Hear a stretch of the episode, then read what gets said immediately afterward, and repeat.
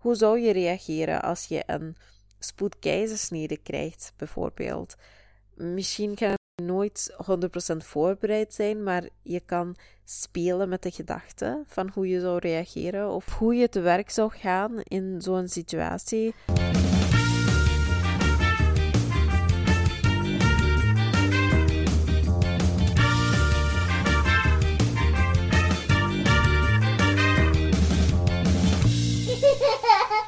Welkom bij een nieuwe aflevering van Pregopod. Voor we aan de slag gaan met de topic van vandaag, moet ik eerst iets oplezen. Ik kreeg deze vraag via Instagram doorgestuurd en ik heb ook de toestemming gekregen om het te delen met you guys. Attica, mijn vroedvrouw heeft mij aangeraden om een geboorteplan op te stellen. Ik vind dit zo moeilijk. Om heel eerlijk te zijn, ik snap niet echt de nut hiervan. Ik heb vertrouwen in mijn gynaecoloog en ik moet toch geloven dat zij en de zorgpersoneel de beste beslissingen gaan nemen voor mij en mijn baby. Een gedetailleerd plan lijkt me overbodig. Bevallingen zijn ook zo onvoorspelbaar, toch? Alles in detail plannen van tevoren, dat gaat niet en ik wil realistisch en flexibel blijven. Moet ik echt een plan opstellen? Wat zou jij aanraden? Girl, girl. ik heb gans een aflevering moeten maken om jou een fatsoenlijke antwoord te geven. I get it. Het is echt een moeilijke taak. Maar vandaag gaan we deze moeilijke taak samen aangaan. We gaan vandaag samen een geboorteplan opstellen. Ik ben Attica trouwens, vroedvrouw, lactatiekundige IBCLC en presentator van Pregopod, de podcast over zwangerschap en geboorte. En vandaag sta ik klaar om jou te begeleiden door deze essentiële stap van je zwangerschapsreis. We overlopen eerst wat een uh, geboorteplan is en waarom dat deze belangrijk is, zodat sommige mensen de nut hiervan zien. Um, en daarna gaan we het hebben over het opmaken van de plan zelf. Dus eigenlijk stapsgewijs overlopen wat we er allemaal kunnen inzetten. Uh, wat we ook gaan doen is um, de verschillende aandachtspunten bespreken. So grab you some pen and paper and let's get started. Onze eerste vraag is: wat is een geboorteplan? Een geboorteplan is een document waarin zwangere vrouwen samen met hun partners hun wensen, um, de voorkeuren voor de bevalling vastleggen. Vroeger maakten we de geboorteplan echt op de oldschool manier. Dus echt met pen en papier en collage, met, met uh, uitknipsels, um, om zo de sfeer te laten zien. Ik denk dat 99% tegenwoordig um, het nu maken op de computer, ofwel met een geschreven tekst of een paar toegevoegde beelden. Maar de essentie is hetzelfde. Het is een manier om jouw verwachtingen en keuzes kenbaar te maken aan de medische professionals um, die betrokken zijn bij de bevalling, zoals de vroedvrouwen, de gynaecologen, de assistenten, de anesthesisten, etc. In een geboorteplan beschrijf je hoe jij de bevalling voor je ziet, welke medische interventies je wel of niet wenst, wie je bij de bevalling aanwezig wil hebben en hoe je de sfeer in de bevallingsruimte wilt hebben. Het is bedoeld als een communicatiemiddel uh, tussen de ouders en het zorgteam om ervoor te zorgen dat de bevalling zoveel mogelijk volgens jullie wensen verloopt. Dat is toch fijn, niet? Dat is toch de bedoeling, niet? het is jouw bevalling. Dus natuurlijk zouden jouw wensen van uiterst belang zijn. Het gaat dus niet enkel om, oh, de gynaecoloog, die doet dat al vaker en die weet veel beter. You silly. Jij, jij bent de star of the show en de star of the show mag haar eigen beslissingen nemen en that's that. Natuurlijk kan het hier en daar wat aanpassingen gedaan moeten worden, maar in het grote geheel zou jouw beeld van de bevalling centraal moeten staan. Het opstellen van een geboorteplan, dat vraagt natuurlijk een beetje inzicht. Inzicht in je eigen karakter, in je persoonlijkheid. We zijn allemaal anders. Hè? We hebben allemaal andere wensen, andere behoeften. Dus stap nummer 1 is zelfreflectie. Voordat je pen op papier zet, neem de tijd voor zelfreflectie. Dit vind ik eigenlijk een essentiële stap. Bedenk wat voor jou belangrijk is tijdens de bevalling. Dit kan soms moeilijk zijn, dus ik ga nog enkele vragen stellen die je daarna op het gemak kan beantwoorden. Dus eerst, denkend aan de sfeer, vraag jezelf welke omgeving bevordert voor mij een rustige en positieve ervaring. Is het donker in de kamer? Speelt er iets in de achtergrond of is er stilte? Zou je geurkaarsjes in de buurt willen hebben of zijn geuren juist storend? Hoe zou warm water op dat moment voelen voor jou? Denk daar maar eens over na. De tweede deel van de zelfinzicht heeft te maken met hoe je omgaat met mensen rondom u. Of eigenlijk mensen over het algemeen. Ben je iemand die bij verdriet graag familie of vriendinnen bij betrekt? Of los je zoiets liever zelf op, in je eentje, opgesloten in een kamer? Ben je introvert of extrovert? Vaak willen mensen uh, die introvert zijn tijdens de arbeid helemaal alleen of enkel met een partner zijn. En extroverte mensen hebben juist meer nood en aandacht nodig, misschien zelfs van steun of andere familieleden. Vraag jezelf: welke zijn de mensen bij wie ik extra op mijn gemak ben? Wie zou ik graag erbij willen hebben voor extra ondersteuning? Is het wel of niet een goed idee om je moeder erbij te hebben? Ga je haar storend vinden na een uur? Of is zij juist de krachtgevende, stabiele berg die je nodig hebt? Is er iemand, is er iemand anders in je familie die je beter kan steunen? Iemand in je vriendenkring um, die je graag erbij wilt? En waarom steken we hier zoveel aandacht in? Al wel in een andere aflevering. Um, ik denk dat wij dit bespreken, zowel in aflevering uh, eh, 21 als 22 dat de geboorteteam een heel belangrijk onderdeel is van de rust tijdens de arbeid. En bevalling, uh, dat is zo een intiem gebeuren. Heel het proces wordt beïnvloed door verschillende hormonen, vooral oxytocine en endorfines. Uh, die zijn hormonen die vrijkomen als jij op je gemak voelt. En het geboorteproces, um, omdat het juist zo'n intiem gebeuren is en dat kan heel snel verstoord geraken. Ja, dus stel, als er iemand aanwezig is um, die jij storend vindt, die heel veel vragen stelt, wiens aanwezigheid uh, gewoon ja, je irriteert, dat blokkeert heel snel de afgifte van de goede hormonen of het doet tenminste heel snel die hormonen dalen. Um, een andere minder goede hormoon, zoals adrenaline, um, ja, die komt ook vrij.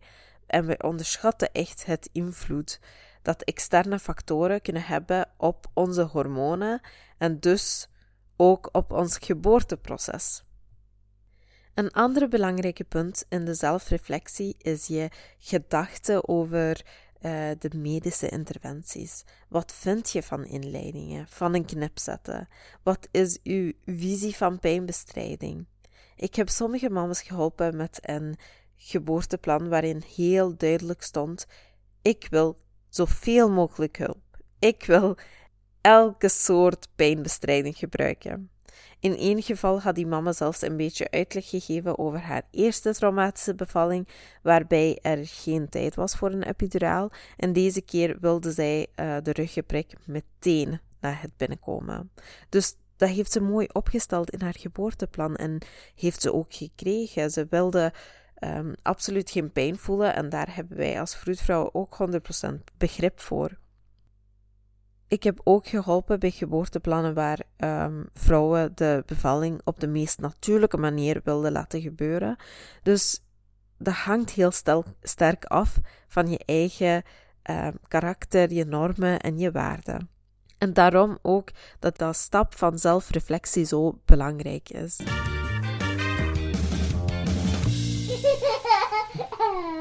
Na deze eerste stap is het belangrijk om aan de slag te gaan met je research. En deze informatie ga je best verzamelen met behulp van betrouwbare bronnen. Omdat je al je zelfreflectie hebt gedaan, ga je ook veel beter ontdekken welke punten voor jou de belangrijkste zijn. Ik ga nu enkele aspecten opsommen die ik als vroedvrouw altijd wat meer informatie over geef, um, zeker als we bezig zijn met een geboorteplan. Dus nummer 1, de verschillende medische interventies die tijdens de bevalling kunnen plaatsvinden. Hoe sta je hierover? Wanneer zou die van toepassing zijn, wanneer niet? Um, wat zijn de verschillende voor- en nadelen? Dan heb ik het over interventies zoals inductie, um, het kunstmatig breken van de vliezen, um, episiotomieën, dus het laten zetten van een knip, um, weeënversterkers, inbrengen van een infuus, epidurale verdoving en keizersnede. Dus ik raad je aan om die dingen toch op te zoeken, zo tjak, tjak, tjak, de voor- en nadelen overlopen.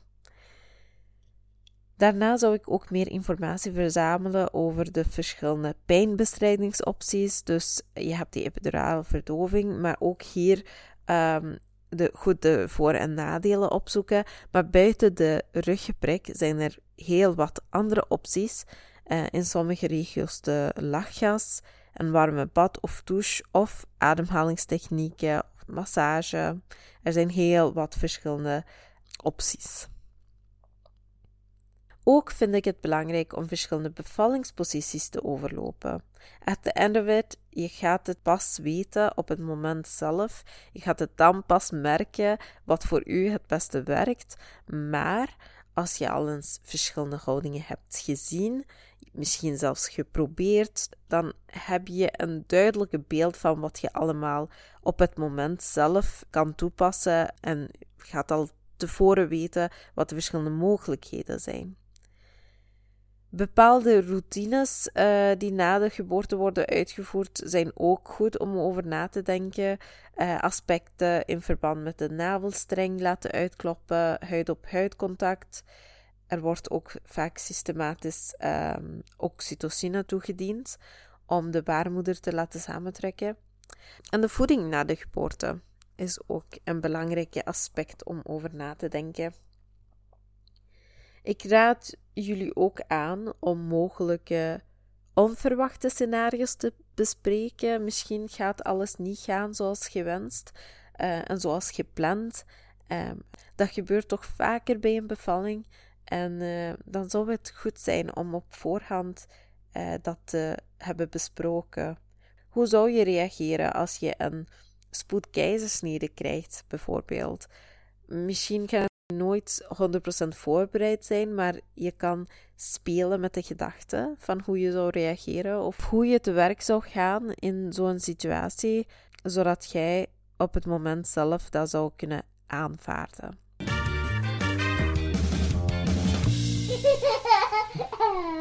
Nu dat je eindelijk je zelfreflectie en research hebt gedaan, is het eindelijk tijd om uw wensen op papier te verwoorden.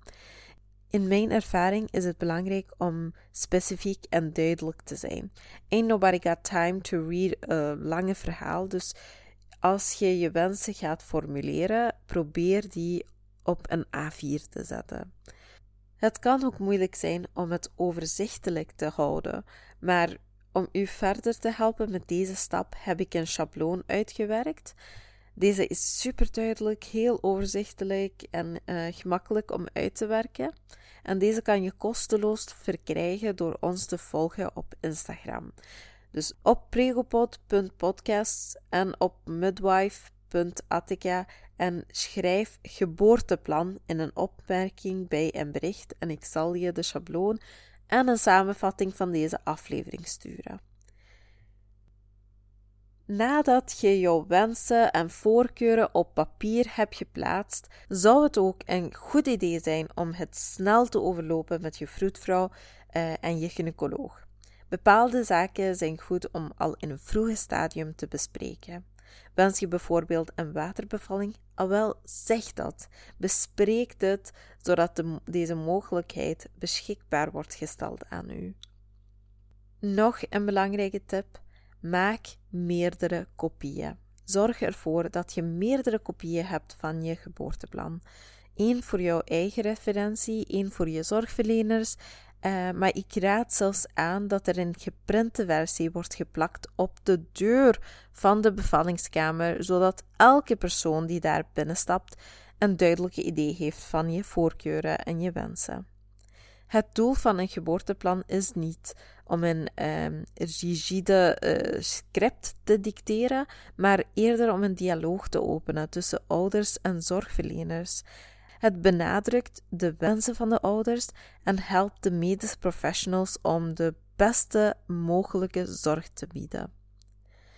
Het blijft belangrijk om te onthouden dat een geboorte natuurlijk onvoorspelbaar kan zijn en flexibiliteit in het plan uh, wordt ook aangemoedigd, maar dat wil niet zeggen dat je niet kan dromen van je droombevalling, dat je je meest ideale scenario niet op papier kan zetten. Ik vind het zo jammer dat mensen gewoon geen geboorteplan durven maken omdat ze, omdat ze hun wensen niet durven uitspreken. En vooral ook omdat je 100% de kans hebt om, om je ideale bevalling mee te maken.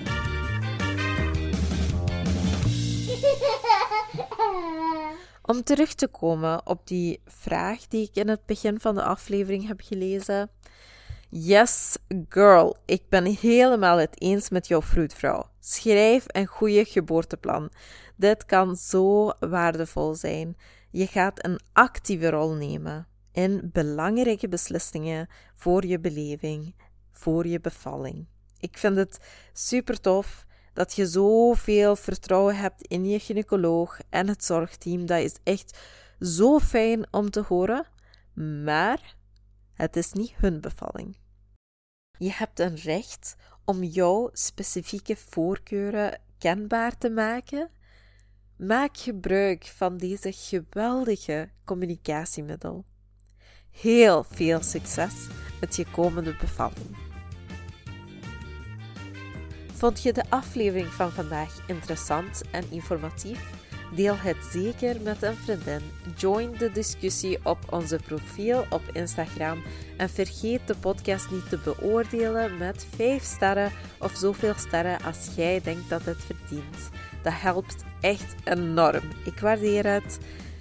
Loop jij rond met een specifieke vraag die je graag aan bod wil laten komen? Wens jij ook een uitgebreide antwoord via de podcast? Ah wel, dan mag je sliden in my DM's en misschien krijg je een antwoord op je vraag. Heb je een verhaal die je wilt delen? Dan deel ik deze ook met heel veel plezier. Of wil je als gast meedoen in de podcast? Dat zou ik ook heel tof vinden. Dan mag je mij ook een seintje geven. Tot de volgende keer.